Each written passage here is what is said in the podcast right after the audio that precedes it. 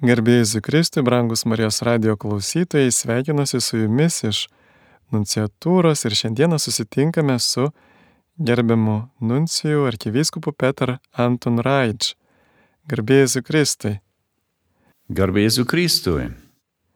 Prie mikrofono aš kuningas Sigitas Jurkštas ir šiandien mes kalbame su gerbiamu nuncijų apie jo tikėjimo kelionę, apie situaciją Lietuvoje ir pasaulyje. Taigi, gerbiamas Nuncijau, gal galėtumėte papasakoti apie savo tikėjimo kelionę, ar jūsų šeima buvo tikinti, ar atradote tikėjimą vėlesnėme amžiuje, kaip atradote savo pašaukimą būti kunigu.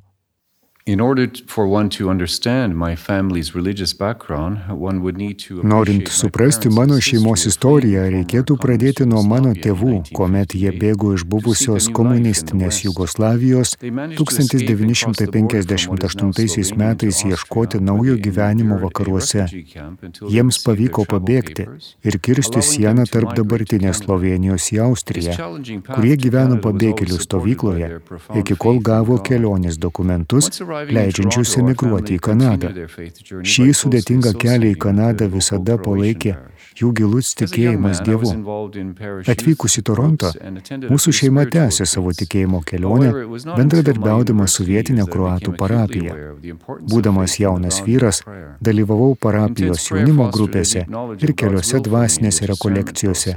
Tačiau tik po to, kai studijų metais pradėjau suvokti tikėjimo svarbą ir maldos vertę. Intensyvi malda skatino gilesnį Dievo valios pažinimą pašaukimo kelyje.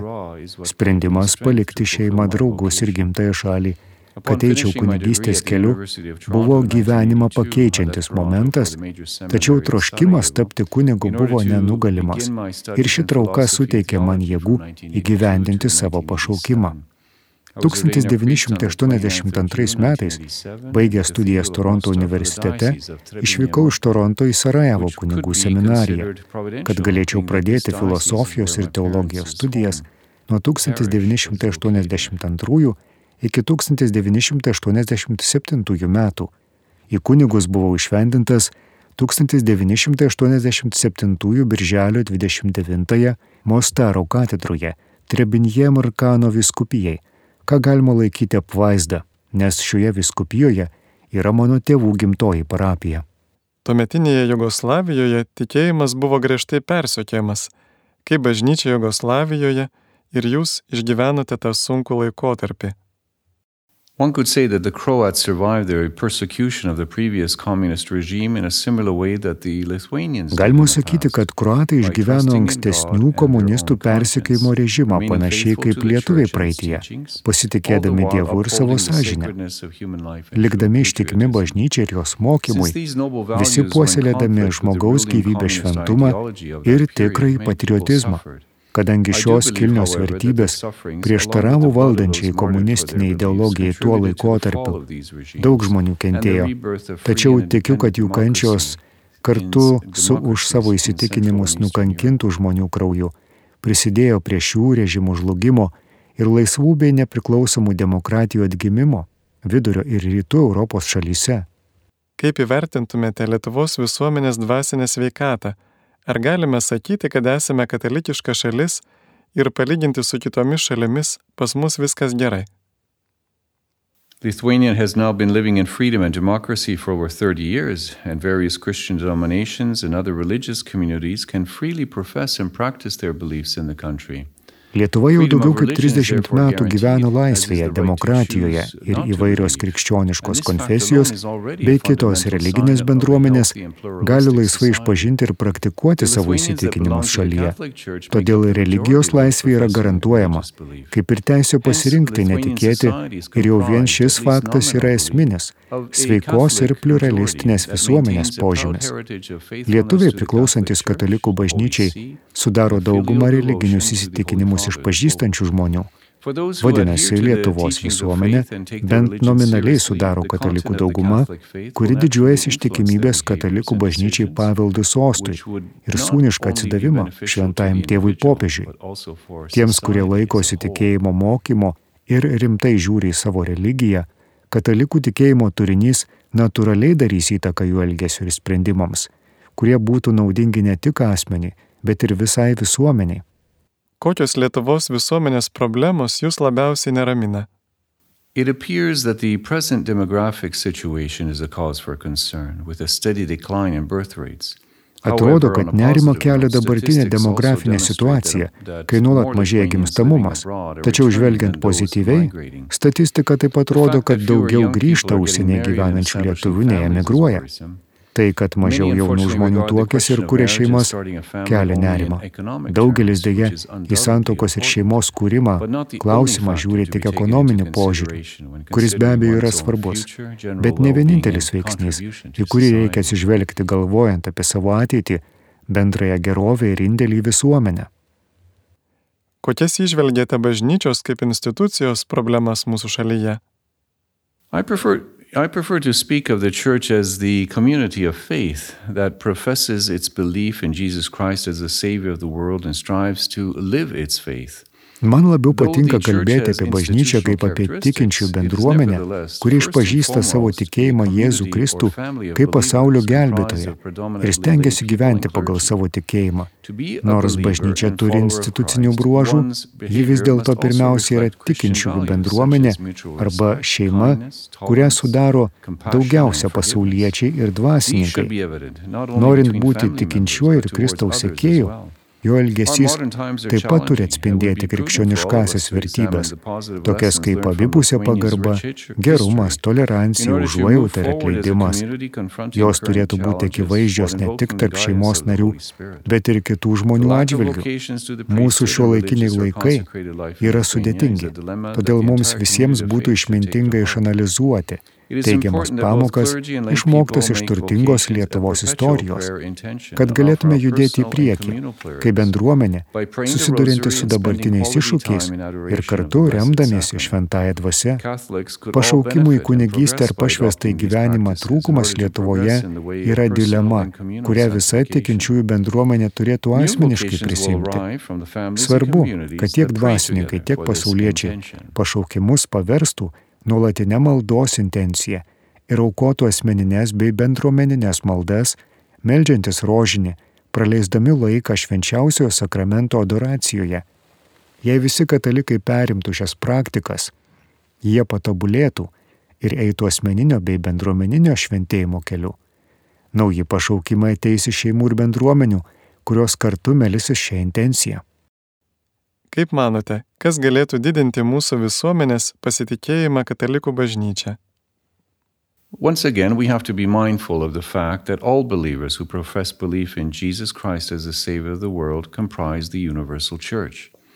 Dar kartą turime nepamiršti, kad visi tikintieji išpažįstantis tikėjimą Jėzumi Kristumi kaip pasaulio gelbėtoje sudaro visuotinę bažnyčią.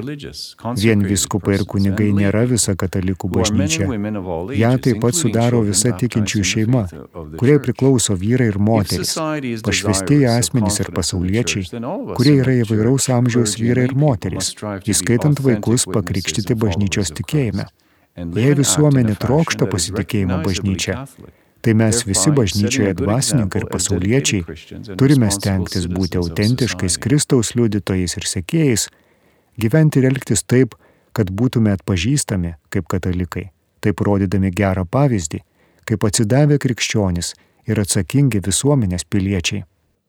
Mūsų šalyje dauguma žmonių pakrikštita, daugiau kaip pusė lanko tikybos pamokas, nemaža dalis lanko katechezės parapijose, priima pirmąją komuniją, ir sutvirtinimo sakramentą, tačiau paskui nustojo lankyti bažnyčią ir neišsaugo gyvo tikėjimo. Kaip manote, kokia to priežastis ir kokie galėtų būti vaistai? Unfortunately, we are living in an increasingly secularized world that often disregards any reference to God, the transcendent, and the afterlife. Deja, gyvename vis labiau sekularizuotame pasaulyje, kuris dažnai ignoruoja bet kokias nuorodas į Dievą, transcendenciją ir pomirtinį gyvenimą. Daugelis krikščionių gali lengvai pasiduoti relativizmo mentalitetui, kuris viešpatauja pasaulyje ir yra skatinamas per žiniasklaidą. Tačiau Kristus paliko savo bažnyčią ir visą žmoniją nuolatiniu kvietimu ieškoti tiesos, mylėti Dievą ir savo artimą, bei stengti siekti tobulumo ir gyvenimo šventumo. Bažnyčios sakramentai skirti mūsų pašventinimui ir vienybei su Dievu. Jei sakramentai laikomi tik privalomomis narystės apeigomis neturinčiais tikros reikšmės, tuomet nenustabu, kad kai kurie nustoja lankytis lankytis bažnyčioje, o kiti net palieka. Tačiau jei tikintieji puoselėja nuolatinį Dievo troškimą ir jo malonės, tada reguliarus šventųjų mišių lankymas, sakramentų prieimimas ir buvimas aktyviu savo parapijos nariu niekada nebus našta ar pareiga bet kažkas, ko žmogus laukia, kad karštai ugdytų savo asmeninį ryšį su Kristumi viešpačiu. Dvasininkai ir katechetai yra pašaukti žadinti tikinčiuosiuose troškimą melstis ir garbinti Dievą, o tai galima pasiekti gerai parengtomis liturgijomis, tinkamiu katechetiniu mokymu, nuodugniu jaunimo ir suaugusių ugdymu, kad religinė praktika pavirstų iš naštos į palaiminimą, iš kurio semiamas jėgų Vyresnė katechetų ir tikybos mokytojų karta neretai drausmę ir tvarką bažnyčioje vertina labiau negu Dievo ir artimo meilę. Kaip manote, ar drausmė ir paklusnumu mokytojų grįstas krikščioniškas ūkdymas nesuformuoja pikto Dievo tirono įvaizdžio, kurio reikia bijoti ir kuriam reikia klai paklusti? Kaip rasti tą pusiausvyrą tarp griežtos tvarkos, daugybės taisyklių ir laisvės, kurią bažnyčiai atnešė Kristus? The teachings of Christ and the magisterium of the Church necessarily demand a moral and honest response from those who adhere to the tenets of the faith. Kristaus mokymas ir bažnyčios magisteriumas būtinai reikalauja moralinio ir sąžiningo atsako iš tų, kurie laikosi tikėjimo principų. Dėl to, norint orientuoti savo gyvenime, reikia laikytis drausmės. Tačiau kartu su drausme visada turi būti vietos gailestingumui užuojautai ir atleidimui. Svarbu prisiminti viešpatės Jėzaus žodžius Evangelijoje pagal Matą, kur jis atsako fariziejams kurie skundėsi, jog jis valgo su mokesčių mokėtojais, muitininkais ir nusidėliais. Eikite ir sužinokite, ką reiškia žodžiai. Aš noriu gailestingumo, o ne aukos. Aš atėjau šaukti neteisiųjų, bet nusidėlių. Šiame trumpame pareiškime Jėzus mus moko, kad Dievas nėra tironas, bet gailestingas tėvas, kuris ieško savo pasiklydusių vaikų ir laukia jų sugrįžtant pas jį. Tuo pat metu Dievas taip pat yra reiklus, nes jis nori mums visiems geriausio. Tai yra gero gyvenimo ir gyvenimo šventumo kurį galima pasiekti tik per intimę vienybę su tuo, kuris yra gyvybės šaltinis. Dėl to kiekvienam iš mūsų tenka atsakomybė atsiliepti į didžiąją Dievo galestingumo dovaną ir gyventi pagal jo valią ir įsakymus, kaip jų mus moko bažnyčios magisteriumas. Krikščioniškasis ugdymas nors ir labai svarbus mūsų formavimosi metais, turėtų prasidėti namuose ir būti tęsiamas katechetiniu ugdymu. Krikščioniškasis ugdymas turėtų mokyti, kad mūsų tikėjimas yra ne tiek laisvė nuo nuodėmės ir blogio bei priklausomybių, tai visada išlieka svarbu, bet laisvė gyventi atsakomybę, gerumą, tarnystę ir meilę kitiems. Kaip manote, kokie yra dvasinių pašaukimų kritimo priežastis mūsų laikais? Vocations to the priesthood and religious life have seen a decrease in the past few decades, especially in the Western world and developed societies Pašaukimų į kunigystę ir pašvestą į gyvenimą per pastaruosius keletą dešimtmečių sumažėjo, ypač vakarų pasaulyje ir išsivyščiusiose visuomenėse. Tuo tarpu kitose pasaulio kraštuose pašaukimų padaugėjo. Pašaukimų sviravimai kartu su kai kurių kunigų ir seserų pasitraukimu iš pašvestojo gyvenimo nėra naujiena bažnyčioje ir viena ir kita rodo tam tikrą asmenų tikėjimo krizę. Vakarų visuomenė išgyvena kultūrinę revoliuciją, kurioje abejojama visko, atmetamos tradicinės su religija susijusios vertybės ir kartu dėgiama naujos technologijos. Mes bažnyčioje žinome ir nesame apsaugoti nuo sekularizacijos padarinių ir mūsų visuomenių desakralizacijos. Asmenims paprastai sunku eiti prieš srovę, būti prieštaravimo ženklu ženklų pasaulyje ir paskirti savo gyvenimą aukštesnėms vertybėms bei amžiniesiems tikslams. Tačiau būtent tai ir yra krikščionybė. Ji yra apie buvimą būti kitokiam, kaip Jėzus buvo kitoks, sekti jo pavyzdžių, būti teisingu, ištikimu savo dangiškajam tėvui. Taip atrasdamas prasme gyventi šį gyvenimą žemėje ir rasti paguodą, kad amžinybė danguje yra pasiekiama ir yra mūsų galutinis tikslas. Tikiu, kad visi bažnyčios tikinti yra pašaukti tapti autentiškais ir tikrais Kristaus sekėjais. Žmonės turi matyti mūsų gerą pavyzdį, kad darbais ir žodžiais esame tikėjimo, o ne netikėjimo žmonės, kad norime mylėti Dievą ir savo artimą, o nesėti nesantaiką ir priešiškumą kitiems, kad norime tarnauti ir saugoti žmoniją. Geri pavyzdžiai visada kalba patys už save. Ir tikėkime, suteikia įkvėpimo išgirsti viešpatės kvietimą ir suteiks jiems drąsos atsiliepti ir likti ištikimais visą gyvenimą. Kaip manote, ką Lietuva galėtų duoti Europai ir pasauliui? Though Lithuania may not be very large compared to other nations and countries of the world, the Lithuanian people comprise a great nation. Nors Lietuva, palyginti su kitomis šalimis, gal ir nėra labai didelė, Lietuviai sudaro didelę tautą. Lietuvos gyventojai daugiausia katalikai per šimtmečius įrodė, kad yra išdidi tauta. mylinti Dievą ir savo šalį, drąsiai praeitie kentėjo okupacijos ir persekiojimų padarinius ir kurie niekada neprarado vilties atkurti nepriklausomą ir demokratinę valstybę. Mano nuomonė tautos, kurios sugeba priešintis blogiui, net kentėti dėl tiesos ir teisingumo, kurios pasirengusios atiduoti gyvybę už Dievą, savo artimuosius ir už savo šalį, yra tikrai kilnios tautos, kurios nusipelno deramo pripažinimo ir pagarbos iš visų žmonių visame pasaulyje. Bažnyčia Lietuvoje užima išskirtinę ir reikšmingą vietą visuotinės bažnyčios šeimoje Lietuva yra tvirtumo tikėjime pavyzdys. Nepaisant sukumų, lietuviai išliko ir šiandien yra čia, kad pasidalytų savo istoriją visam pasauliu. Jūsų tauta savo tikėjimu į Dievą ir tikslo vienybę nebejotinai yra pavyzdys kitoms, mažiau gyventojų turinčioms tautoms, kaip maža tikėjimo sėkla, pasodinta į gerą dirbą, laistoma daugybė maldų ir kančių, gali aukti ir duoti gerų vaisių, kurie išliks amžinai. Ko norėtumėte palinkėti Lietuvos kunigams ir visiems tikintiesiems? The Church in Lithuania should always recall the theme of Pope Francis's pastoral visit to the country in 2018, which was Christ Jesus, our hope. Bažnyčia Lietuvoje turėtų visada prisiminti popiežiaus Pranciškaus ganytojiškojo laiško temą vizito į šalį 2018 metais. Tema Kristus Jėzus - mūsų viltis. Popiežiaus žinia yra nuolatinės vilties, kurią mes tikintieji randame Jėzuje Kristuje. Mūsų vilties šaltinėje, mūsų viešpatė ir gelbėtoje. Popiežius Pranciškus tikrai norėtų, kad visi lietuviai gyventų kaip kaip vilties pasiuntiniai, pradedami savo šeimose, o paskui skleisdami šį žodį visose visuomenės sluoksniuose. Tai pasiekti pirmiausia galima gyvenant Evangeliją, rimtai priimdami Kristaus žodžius ir taikydami juos savo kasdienėme gyvenime.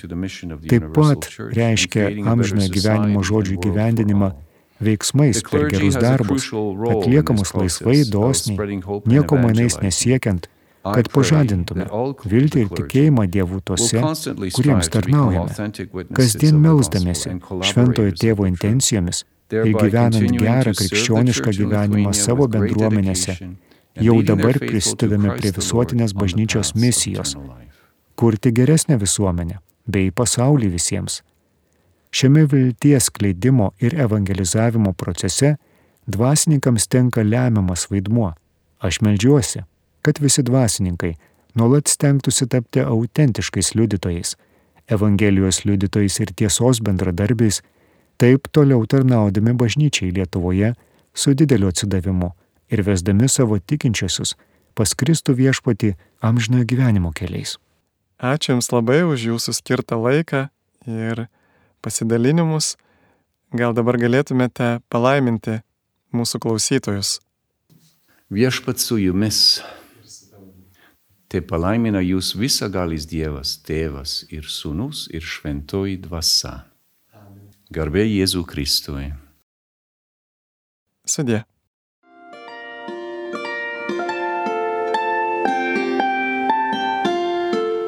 Jūs girdite Marijos radiją.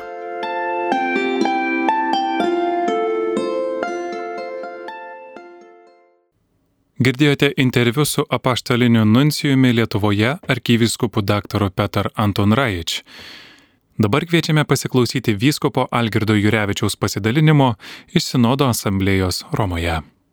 Garbėjus Kristui, gerbiamas vyskupė Algirdai, jūs dabar dalyvaujate Viskupų Sinodo generalinėje asamblėjoje. Kokios nuotaikos Vykstant į sinodą buvo truputėlį baimės, kadangi dalyvauju pirmą kartą ir nežinau, kaip ten viskas vyks. Dauguma dalyvių taip pat yra man nepažįstami, tačiau labai pasiteisino tas dalykas, kad sinodas prasidėjo dvasiniu susikaupimu, rekolekcijomis, per kurias susipažinome, meldėmės, bendravome ir kartu ta tokia baime, tas toks netikrumas tarsi nuslinko, nes pajutau, kad esame tokios didelės Dievo tautos nariai, nesvarbu, kokios spalvos žmogus, kokios kultūros ar iš kokio žemino kilęs, tačiau e, nepaisant to viso skirtingumo, mus visus vienyje vienas tikėjimas. Todėl ta nuotaika sinodė tikrai yra tokia labai šeiminiška, Bažnyčia kaip šeima, apie tai buvo kalbama ir sinode, tačiau tai nėra tušti žodžiai, tuščios deklaracijos, bet tiesiog ta nuotaika, kurią mes visi gyvename, išgyvename ir ją džiaugiamės. Kiek dalyvių susirinko į Sinodo asamblėją? Sinode dalyvauja apie 3,5 šimto dalyvių. Prieš kiekvieną sinodo sesiją yra skelbiamas užsiregistravusių dalyvių skaičius. Tai jis sviruoja nuo 320 iki 350, nes skirtingas sesijas registruojasi skirtingas e, žmonių skaičius. Mes kiekvienas e, dalyvis turime tokią akreditacijos kortelę, su kuria galime įeiti į sinodo salę, bet taip pat e, atsisėdę į savo darbo vietą turime prie planšetinių kompiuterių užsiregistruoti pagal kiekvieno iš mūsų kodą ir taip e, sinodo sekretoriatas mato, ar žmogus atėjęs, kaip jisai dalyvauja. Taip pat e, skelbiamas kiekvieną dieną dalyvaujančių skaičius. Tarp dalyvių, žinoma, yra ir stebėtojų, tai būtent yra iš broliškų bažnyčių, atstovų kitų krikščioniškų konfesijų, jie taip pat turi galimybę dalyvauti sinode, bet tik tai negali balsuoti. Tačiau sinodo diskusijose jie taip pat dalyvauja ir netgi kartais ir maldas praveda ir tai yra toks didžiulis praturtinimas visiems sinodo dalyviams pamatyti broliškų bažnyčių atstovus ir pakviesti juos į, į sinodinę kelionę keliauti kartu. Kaip vyksta sinodo darbas? Ar turite pakankamai laiko diskutuoti, susitikti su kitais sinodo dalyviais?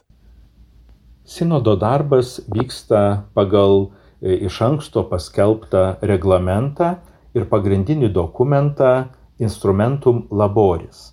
Jame yra suskirstita į tam tikras temas e, visas turinys, ir yra paskirti posėdžiai, susitikimai, darbo grupės diskutuoti tam tikrą temą iš to darbinio dokumento. Tikrai turime pakankamai laiko kalbėtis, diskutuoti. Prieš kiekvieną temą yra e, paruošiamas toks dvasinis įvadas, dažnai kalba vienuoliai, kurie įveda suteikdami tokį biblinį pamatą tai temai, po to e, paaiškinama, kaip e, vyks toliau darbas, pateikiami klausimai ir kiekviena darbo grupė tą temą diskutuoja. Darbas grupelėje vyksta taip, kad e, kiekvienas dalyvis turi galimybę pasisakyti. Tiesiog prašoma, kad kiekvienas pasakytų, nes atvykę esame iš skirtingų kontinentų ir labai įdomu išgirsti, kuo gyvena bažnyčia Azijoje, Afrikoje ir Latino Amerikoje, taip pat ir Europos kitose kraštuose. Baigus tą darbo grupės e, veiklą, tarp tų darbo grupės posėdžių yra gan ilgos pertraukos, kuomet visi sinodo dalyviai išeina į vestibiulį, turi galimybės atsigerti vandens, kavos, e, pasikalbėti, tai tikrai diskusijos tęsiasi ir koridoriuose yra galimybė prieiti prie vieno ar kito sinodo dalyvio, pašnekinti, susipažinti, iš kur atvykęs, kokią bažnyčią atstovauja, ką mano vienu ar kitu klausimu, tai tikrai to laiko yra pakankamai daug ir asmeniniams susitikimams, bet taip pat ir sinodo darbui.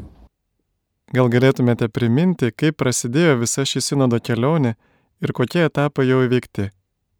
Sinodo kelionė prasidėjo 2021 metais ir tęsis iki 2024 metų.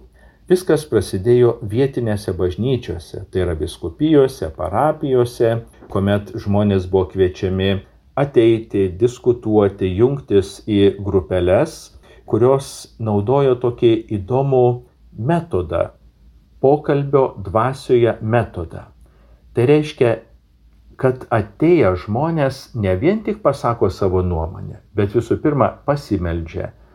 Laiko suteikiama tylos maldai, per kurią kiekvienas žmogus savo atsineštą išvalgą dar kartą patikrina ir kviečia šventąją dvasią į pagalbą, kad atpažinti, kad ta išvalga, kad tas pasiūlymas tikrai yra iš Dievo Ir tada, žinoma, vykdavo pasidalinimai grupelėse, po to klausimaisi kitų ir tam tikrų nuomonių, tam tikrų tendencijų išryškinimas.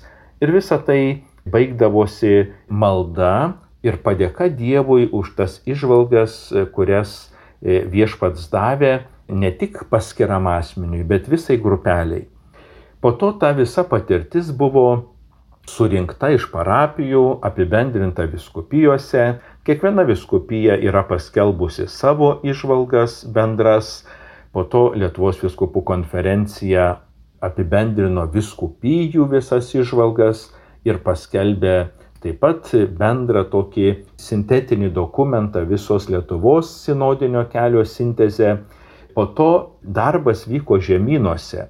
Šiuo metu vasario mėnesį Prahoje vyko Europos žemynų visų bažnyčių suvažiavimas, kur buvo vėl kalbama, diskutuojama, pristatomos įvairių šalių išvalgos ir taip pat po to susitikimo buvo paskelbtas žemyninis dokumentas, tai būtent tos išvalgos, kurios buvo surinktos iš Europos kontinento.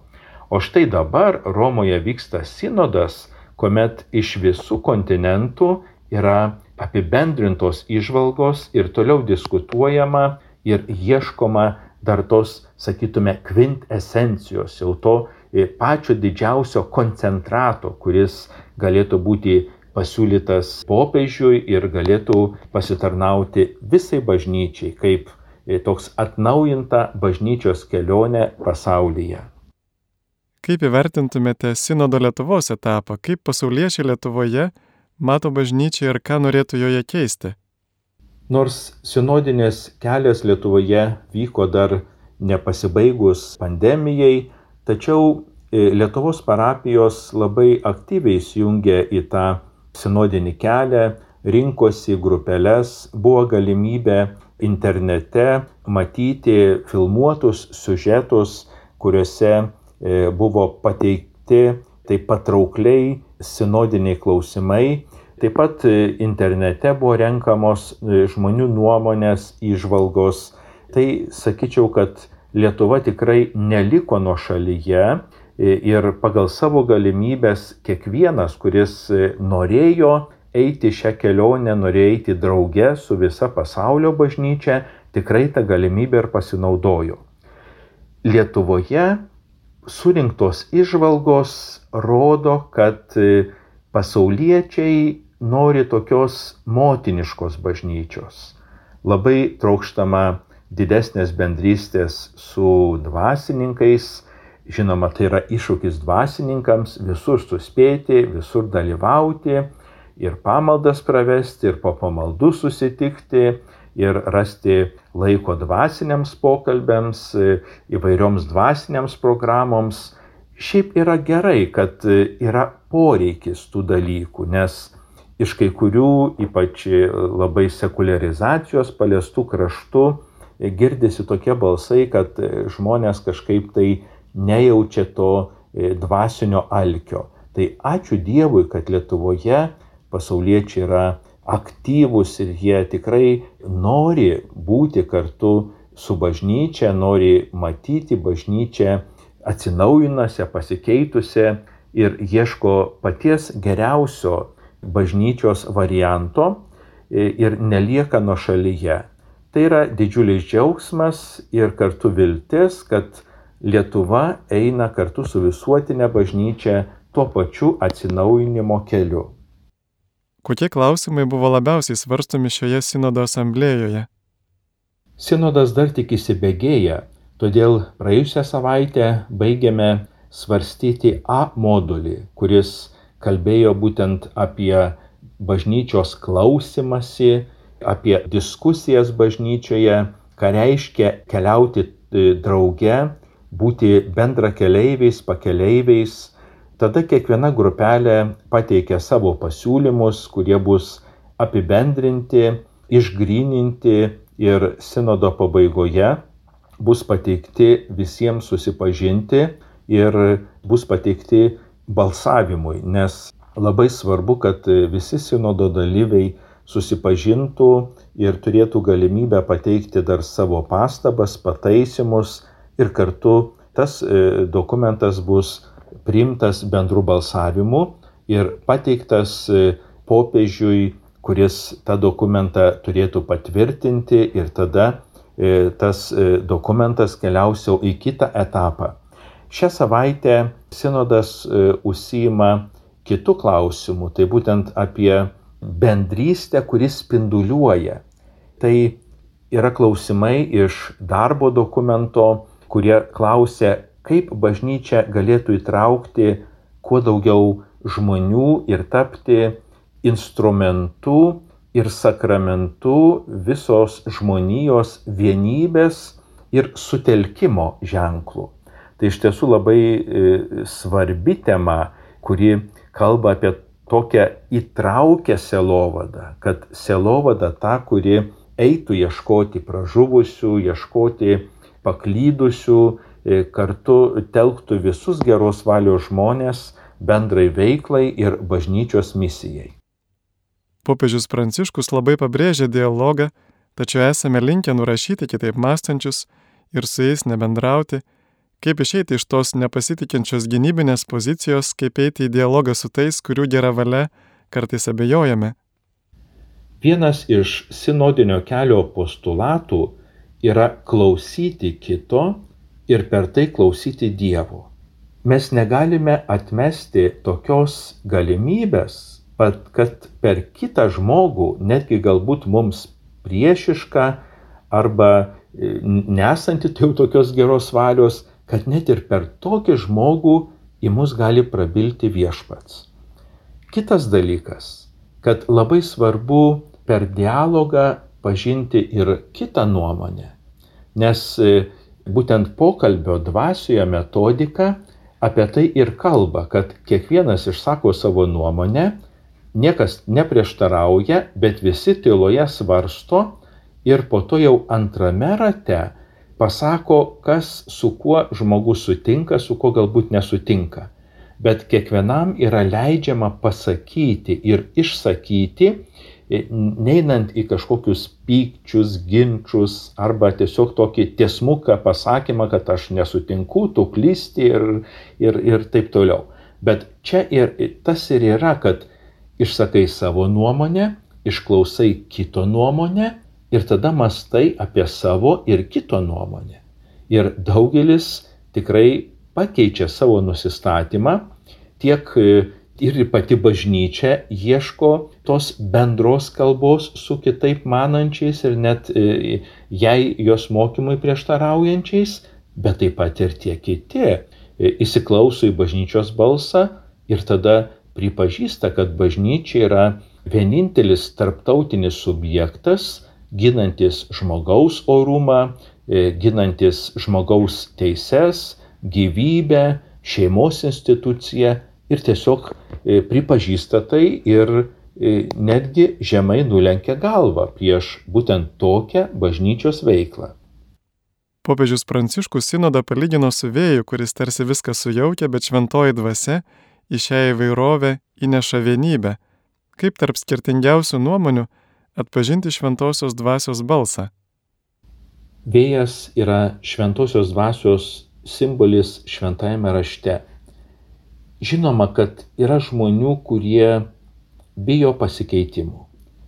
Galbūt visų pirma bijo patys keistis, nes pačiam keistis reiškia atsiversti, pakeisti savo nusistatymą. Kitas dalykas yra žmonių, kurie bijodami keistis tiesiog nejuda į priekį. Mes matome, kiek daug yra pasaulį pasikeitimų ir kaip greitai viskas keičiasi. Pasaulio informacija, kuri yra labai greita, jos yra nepaprastai daug ir ji keičia mūsų gyvenimus, e, mūsų tam tikrą dienos ritmą. Ir taip jau yra, kad bažnyčioje taip pat reikalinga tam tikrų pasikeitimų. Nes yra dalykų, kurie tikrai negali keistis. Tai yra tiesa, e, pats viešpats Jėzus Kristus, kuris yra tiesa. Ir yra tos krikščioniškos vertybės, kuriamis yra e, grindžiama e, ir visa krikščioniška kultūra, E, bažnyčios mokymas, apreiškimas, tai yra dalykai, kurie yra nekintami, bet jų supratimas keičiasi. Ir tam tikras kultūrinis rūbas taip pat gali būti kitoks. Bet skirtingumuose turi būti ir vienybė. O kaip tame atpažinti šventosios dvasios balsą, yra iššūkis, į kurį leidžiasi visa sinodinė asamblėja.